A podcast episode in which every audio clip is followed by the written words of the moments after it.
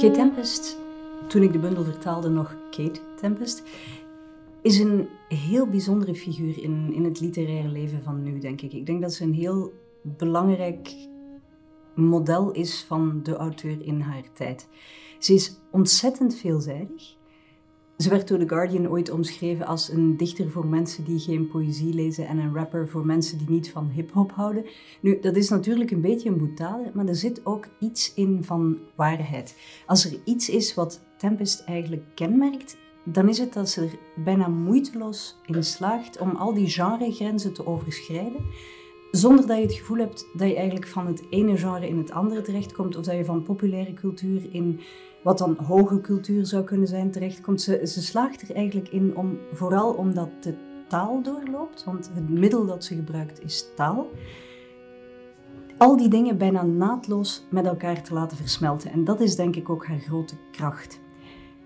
Daarnaast is het iemand die werkelijk van alle genres thuis is. Ze is ontzettend jong. Ze is ja, ondertussen net 30, denk ik, misschien 31. En ze heeft ondertussen, ze heeft roman geschreven. Ze is bezig aan haar tweede roman, die werkt ze nu af. Ze heeft theaterteksten gemaakt. Ze heeft poëziebundels gemaakt. Maar we kennen haar natuurlijk van de hele spoken word scene en van de hip-hop scene, omdat ze natuurlijk ook als muzikante en als performer heel veel naam heeft gemaakt. En dat vind ik misschien wel het meest magische van de figuur van Kate Tempest. Dat ze via die omweg van de muziek er eigenlijk in slaagt om, ja, zeg maar, een volledig stadion te vullen met mensen die ze eigenlijk stiekem poëzie voorschotelt. En dat vind ik enorm krachtig van haar.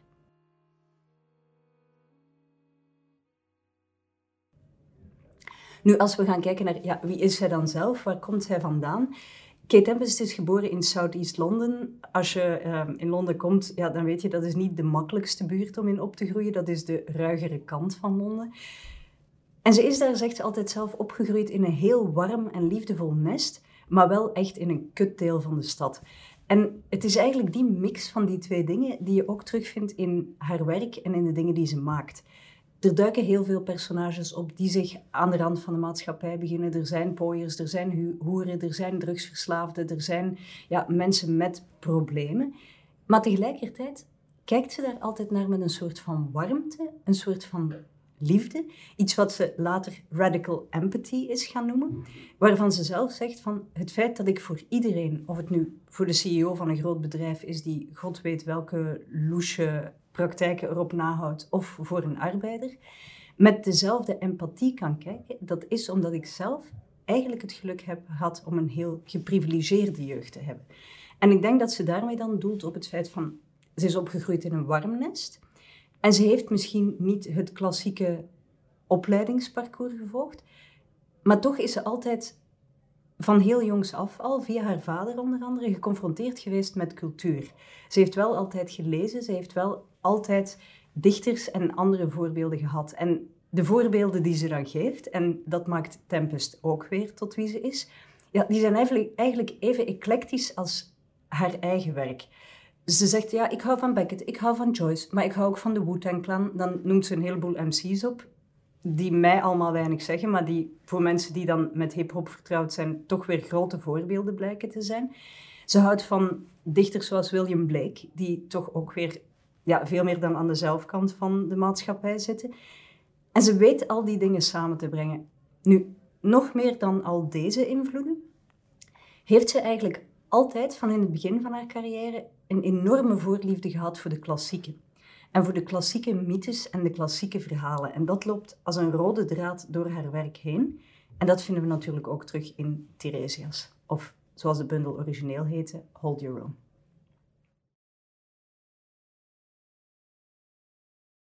Hold Your Own is eigenlijk gebaseerd op de mythe van Tiresias. En Tiresias is een oud-Griekse figuur. En in het oorspronkelijke verhaal gaat het eigenlijk als volgt. Tiresias verstoort als jonge knaap twee slangen bij het paren. God weet waarom, ik heb het nooit begrepen, maar hij haalt die beesten uit elkaar.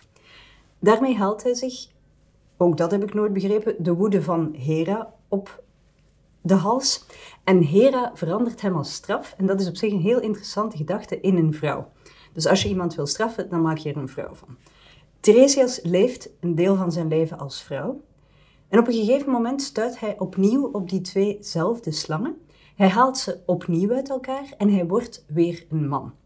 Meteen keert ook de rust terug in zijn bestaan. Hij leeft een tijd lang een rustig leven.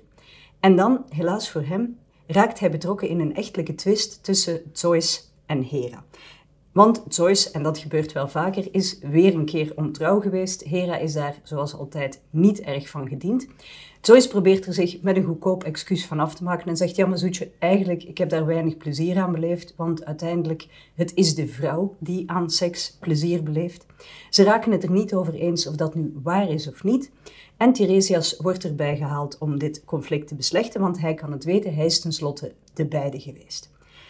Tiresias, helaas, geeft niet het sociaal wenselijke antwoord op de hem gestelde vraag. En als straf rukt Hera hem zijn ogen uit zijn hoofd. Nu, Joyce die wil het goed maken, maar hij kan niet ongedaan maken wat een andere god heeft gedaan.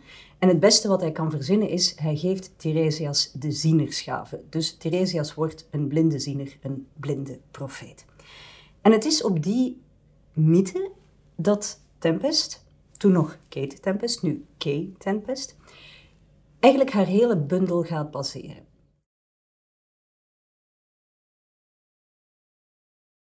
En de gedachte die daarachter zit, denk ik, is dat mensen die zich aan beide zijden van die gendergrens hebben bevonden, die dus de wereld als man en als vrouw hebben gezien, dat die eigenlijk de helderste blik hebben op hoe het leven werkelijk in elkaar zit.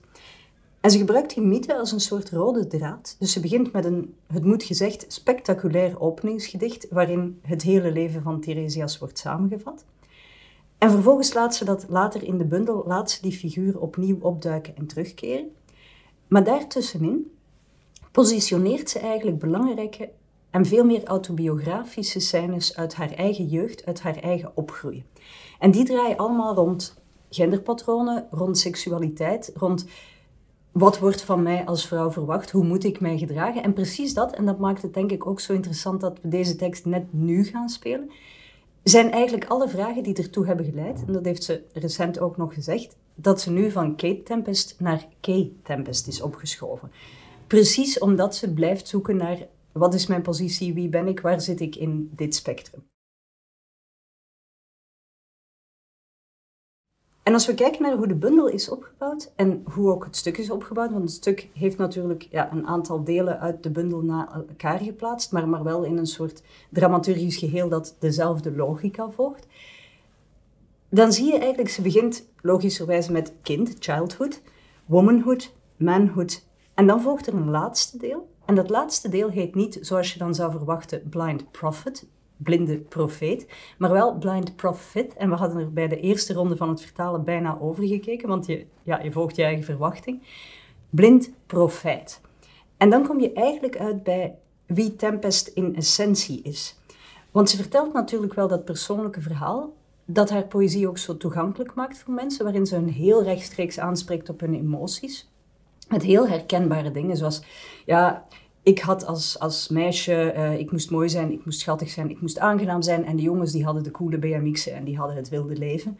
Of we stonden in de kleerkamer en al de meisjes, in de, in de kleedkamer en alle meisjes besproeiden zich met een parfum dat Innocence heette.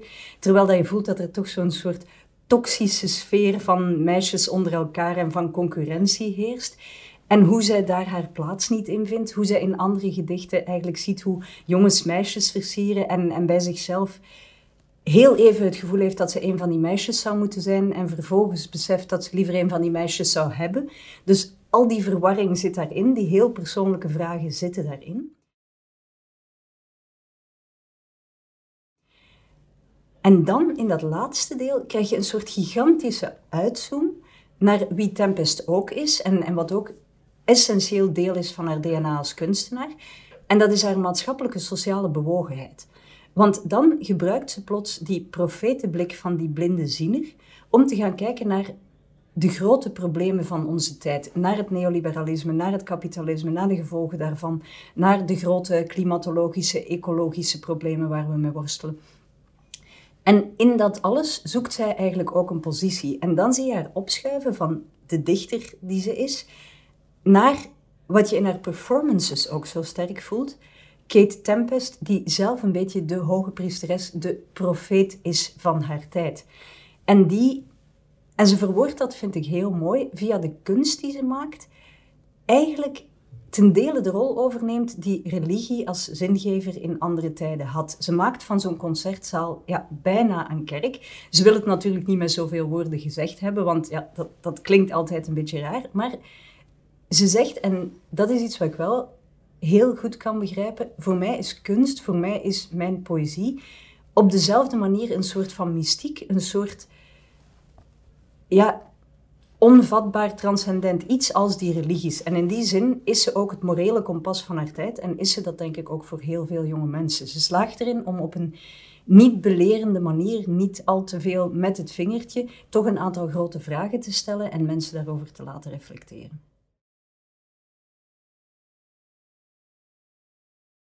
Tempest heeft eigenlijk in haar werk altijd een soort van transformatie gemaakt van oude teksten, oude ideeën naar nieuwe teksten. De eerste bundel waarbij ze dat heeft uitgeprobeerd was Brand New Ancients. En daar neemt ze eigenlijk een aantal figuren uit de Griekse mythologie en ze dumpt die in Southeast London, waar ze het maar moeten zien te redden in een hedendaags kader.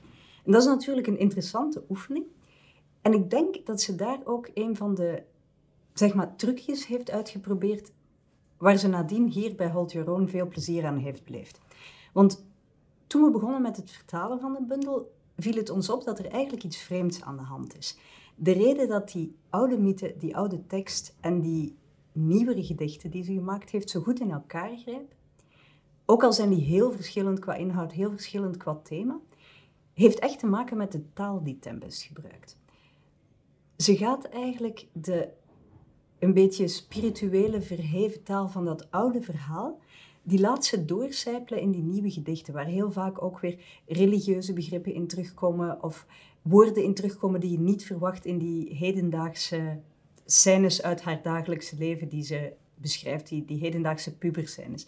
Maar je springt soms echt van ja, bijna religieuze begrippen naar zoiets als kippenbroodjes die uh, worden weggegooid nadat ze in een of andere fastfoodzaak zijn opgehaald. Dus het is het in elkaar vlechten van die twee registers die eigenlijk zorgt dat het zo mooi werkt.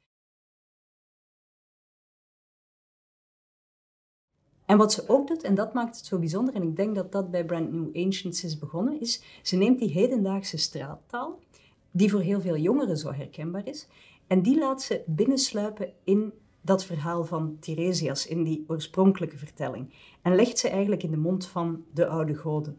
Waardoor die tegelijkertijd ook iets heel hedendaags mee krijgen. En het is het mengen van die registers, van die manieren van praten, van die manieren van dichten ook, die ervoor zorgen dat deze vertelling zo, zo coherent en zo samenhangend is. Tweede zaak die ons opviel en die het voor ons als vertaler ook niet altijd makkelijker maakte, is ze volgt heel strikt een aantal klassieke metrische patronen. Vooral dan in de gedichten die rond Theresias draaien. Die wisselt ze af met veel vrijere andere ritmes die meer eh, hip-hop invloeden vertonen. Maar ook hier laat ze eigenlijk de beide in elkaar overvloeien. Maar dus dat stelde ons voor heel wat uitdagingen, voor heel wat keuzes. En dan heb je natuurlijk nog die hele, ja, die typische queer ehm, lingo en, en al die begrippen die daaruit binnensluipen.